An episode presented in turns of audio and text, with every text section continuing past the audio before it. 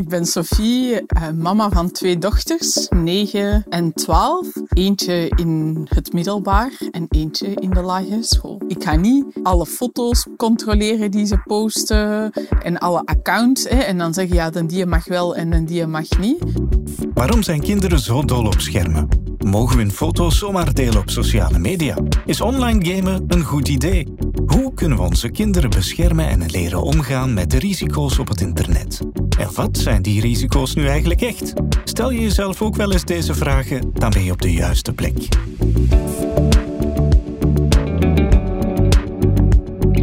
Welkom bij Digitaal Ouderschap, een podcast van Betternet, het Belgische Centrum voor een Veiliger Internet. In elke aflevering delen een ouder en een expert hun ervaringen om een antwoord te bieden op al je vragen over de digitale gewoonten van kinderen, gezinnen en ouders. In deze aflevering bespreken we hoe we onze kinderen kunnen begeleiden in hun gebruik van digitale media. Maar voordat we luisteren naar Sophie, onze ouder van vandaag, en Bert van Mediawijs, staan we even stil bij twee belangrijke cijfers. Volgens de studie Apenstaartjaren krijgen kinderen gemiddeld in Vlaanderen hun eerste smartphone als ze acht zijn. En meer dan 85% van de kinderen maakt voor hun dertiende een account aan op sociale media. En dan vraag je je af, wat doen kinderen op sociale media? Volgens het onderzoek Generation 2020 gebruiken leerlingen in de lagere school digitale media vooral voor het plezier. Ze gamen 91%, bekijken video's 83% en luisteren naar muziek 73%. Bij leerlingen in het middelbaar is het gebruik gevarieerder. Ook zij bekijken audiovisuele content, maar ze maken, publiceren en delen ook zelf berichten op hun tijdlijn of in een story en communiceren met anderen. Hoewel elk gezin een eigen opvoedingsstijl heeft, hebben alle ouders dezelfde vragen en uitdagingen. Aan de ene kant biedt het internet veel mogelijkheden, kan je er veel leren, creatief zijn, gamen, er valt van alles te ontdekken. Aan de andere kant zijn er ook risico's, zoals cyberpesten of ongepaste inhouden. En soms zijn er mensen met slechte bedoelingen online. Vandaag kunnen we ons onmogelijke leven voorstellen zonder het internet. Digitale media maken vanaf jonge leeftijd integraal deel uit van onze dagelijkse realiteit. We moeten ons dus afvragen hoe we onze kinderen kunnen begeleiden in die virtuele openbare ruimtes. Maar wees gerust, je hoeft geen expert te zijn in sociale media of games om je kinderen te gidsen op het internet.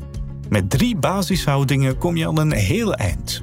Je kinderen ondersteunen en vertrouwen en zorgzaam communiceren. En aan het einde van de aflevering geven we je nog enkele praktische tips. Hoe zit het met jouw kinderen? Hebben zij uh, al een telefoon? Ja, ze hebben er allebei een. En dat is een heel moeilijk gegeven, vind ik. Van wanneer geef je als ouder nu een telefoon aan je kinderen? En angst is zelden een goede raadgever. Hè? En in de zin van niet om kinderen te controleren, niet als ze met de fiets naar school gaan of om te kijken waar ze dan uithangen. Maar op een gegeven moment um, ja, zijn er in de klasse kinderen die dan telefoons krijgen. En dan kom je op een kritisch punt waar um, de meesten een telefoon hebben. En dat je als ouder moet afwegen van, ja, zitten we nu zijn we nu aan sociale uitsluiting of digitale uitsluiting aan het doen? Want al die kinderen zitten dan samen in Snapchat of in uh, WhatsApp-groepen om met elkaar te communiceren. Dus ja, wat is nog het juiste moment? Hè? Ja, op zich is het een hele moeilijk om te zeggen wanneer wel en wanneer niet een telefoon. Eigenlijk, het zou soms handig zijn, moesten we gewoon als maatschappij zeggen, weet je, het was gewoon dat lentefeest of dat communefeest, we gaan dat gewoon zo houden. Uh, dat is voor iedereen zo. Hè. Dat zou het voor heel wat ouders soms makkelijk maken. Maar natuurlijk, ja, er zijn heel wat redenen waarom dat ouders soms zeggen van ik ga toch verdienen een telefoon. Mijn kind moet al misschien wat verder naar de muziekschool en ik wil dat ze toch iets laten weten.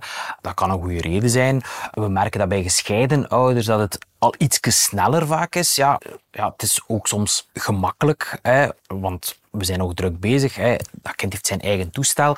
Ook het feit, je wil niet dat je kind uitgesloten wordt. Dus al die redenen zijn ergens verstaanbaar om te doen. Alleen denk ik dat het belangrijk is dat het over een begeleidproces is. Eh, over een begeleidproces gaat. Want natuurlijk, zo'n smartphone, ja, dat kan heel veel. Hè. Je kan daar op zich, als je dat onbegrensd doet, kan je naar alle soorten sites ter wereld gaan. En dat is op zich een beetje gek om direct te easy, voilà, nu heb je hem, doen we er alles mee. Dus ik vraag me dan af, welke keuzes hebben jullie daarin gemaakt? Hè? Hoe, hoe zijn jullie daar stapsgewijs? Of, of welke afspraken hebben jullie gemaakt? Of maken jullie nu nog?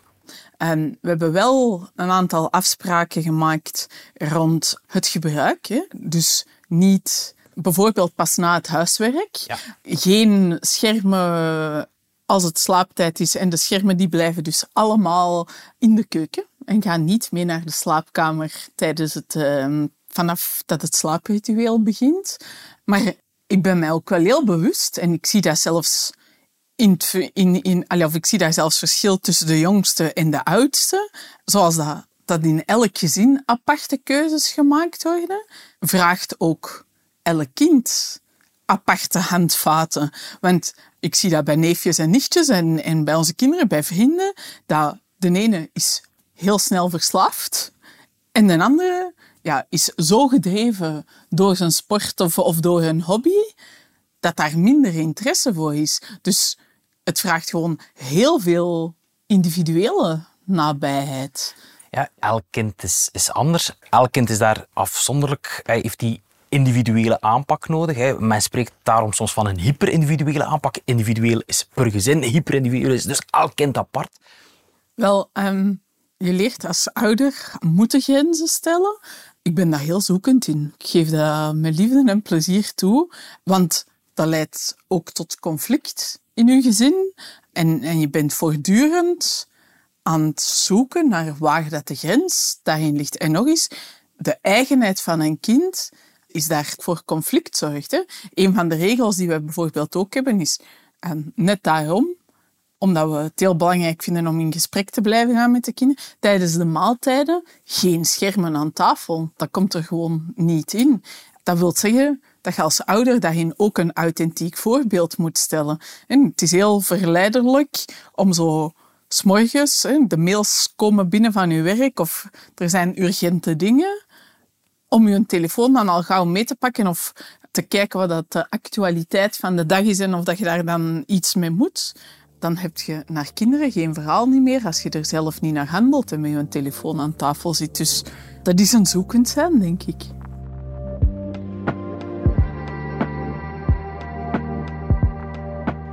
Zijn er dingen dat jij zegt, wij doen thuis iets dat eigenlijk bij ons zeer goed werkt en dat voor andere ouders ook goed zou kunnen werken?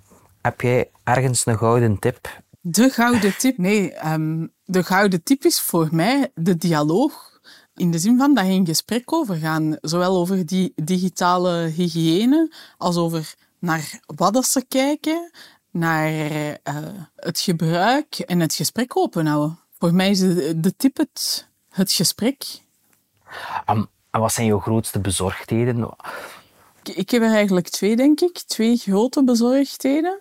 Eerst en vooral, en dat zie ik vooral bij onze oudste, is hoe sociale media gebruikt worden in relatie tot elkaar. En dus peer-to-peer en, en jongeren in klasgroepen. Dat is de eerste. En de tweede, waar ik mij heel veel zorgen over maak, is zo ehm, het fake news. Ja, dat zijn denk ik twee grote vragen die we ons stellen. Hè? Van hoe moeten we om de dag van vandaag al die informatie die op ons afkomt, tegenwoordig met ChatGPT en dergelijke, kan er nog meer foute informatie tussen zijn. Dat betekent dat eigenlijk dat we bijna elk bericht zouden moeten gaan checken. Maar hoeveel tijd verliezen we er dan misschien mee om dat te doen? Kunnen we dat eigenlijk überhaupt allemaal doen? Dat is inderdaad geen eenvoudige. Uh, In welk objectief kader hebben jongeren nog om aan af te toetsen wat waar is en wat onwaar is? Ja, we zijn daar ook wat zoekende in, want op zich, heel die stroom aan foute informatie komt alsmaar sneller en sneller. En scholen hebben daar een belangrijke rol in, want op zich, een school kan dat misschien ja, op een iets afstandelijker manier nog doen dan een ouder. Een ouder heeft ook zijn eigen mening, een leerkracht heeft ook zijn eigen mening, uiteraard. Maar voor een groep van twintig ga je dat op een andere manier brengen misschien dan in het gezin waar dat die mening wel kan doorcijpelen. Die fact-check tools en zo, die, die zullen ze wel op school leren. Uh, blijf dan ook dat gesprek gaan. Als het gaat over jouw andere bezorgdheid, die verharding, ja, dat, dat, is, dat is een die heel wat jongeren voelen. Niet alle jongeren. Hè. Sommige jongeren kunnen daar perfect mee om en hebben daar geen enkel probleem mee. En die weten van, oké, een live gesprek is iets anders dan online. Maar ja, hoe voelt u bij post? Komt het dat ik mij soms slecht voel? Een tijdje terug heeft Mediawijs samen met de KU Leuven met wat wat de vibe-check ontwikkeld. Wat dat eigenlijk een soort van aftoetsing is van oké, hoe voel ik mij bij een bepaalde post? En dat is, ik, ik voel mij bij een bepaald account, voel ik mij eigenlijk altijd een beetje ambetant, want het is een te perfect lichaam. Het is, het is iemand die een te perfect leven heeft. En eigenlijk voel ik, ik, ik ben daar te jaloers op, ik voel mij minder. van, hoe is mijn vibe daarbij? Is een zeer interessante toets om te doen. Um, weet jij waar jouw kinderen naar kijken? Want je weet dat ze op Snapchat zitten, je weet dat ze op TikTok zitten. Weet je toevallig ook welke accounts zij kijken? Ik weet welke accounts dat ze, of ik denk dat ik weet dat, welke accounts dat ze kijken. Wat voor mij wel een principe is, is dat er is een vorm van privacy in hun telefoon. En tot op heden heb ik nog nooit gezegd van nu ga ik dat eens allemaal controleren zonder dat zij dat weten. Ik ga niet a priori alle foto's controleren die ze posten en alle accounts. Hè, en dan zeggen ja, dan die mag wel en dan die mag niet.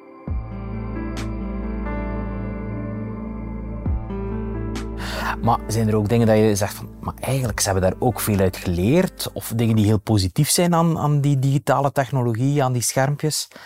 Ja, onze meisjes gebruiken dat ook echt wel als kennisbron. De oudste is heel creatief bijvoorbeeld en gaat dan op zoek naar patronen voor haakwerk of op zoek naar kennis. Uh, de jongste vooral zo echt om weetjes te weten die niemand anders weet. Hè, in, in YouTube-filmpjes. Of die gaan echt op zoek naar humor. Um, dat, dat dan soms tot heel ja, grappige situaties kan leiden. Um, want dan beginnen ze dat te imiteren en, en te doen. Om deze aflevering af te sluiten, geven we je drie tips om je kinderen te helpen een leuke tijd te hebben online en de risico's zo klein mogelijk te maken. Eerste tip: autonomie begint bij duidelijke afspraken. Het is moeilijk om een regel na te leven die je niet begrijpt en niet hebt gekozen. Daarom is het belangrijk om met je hele gezin samen afspraken te maken. Je kan bijvoorbeeld een contract opstellen om samen te bepalen wanneer schermen gebruikt mogen worden en wanneer niet. Bedenk samen de regels en zorg ervoor dat het hele gezin ze respecteert, ook de volwassenen.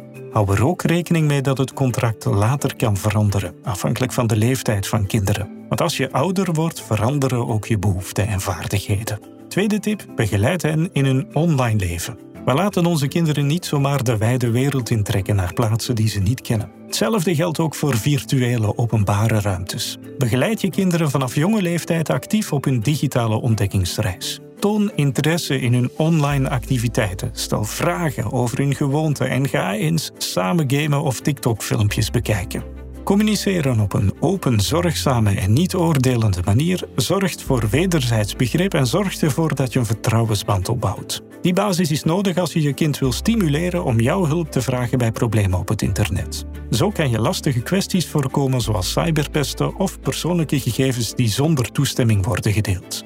En tot slot de derde tip: evenwicht door afwisseling. Het heeft geen zin om schermen te verbieden of te demoniseren. Integendeel, we moeten ze beschouwen als hulpmiddelen die onze creativiteit prikkelen, ons slimmer maken of gewoon leuk zijn. Let er wel op dat er afwisseling is tussen online en offline activiteiten.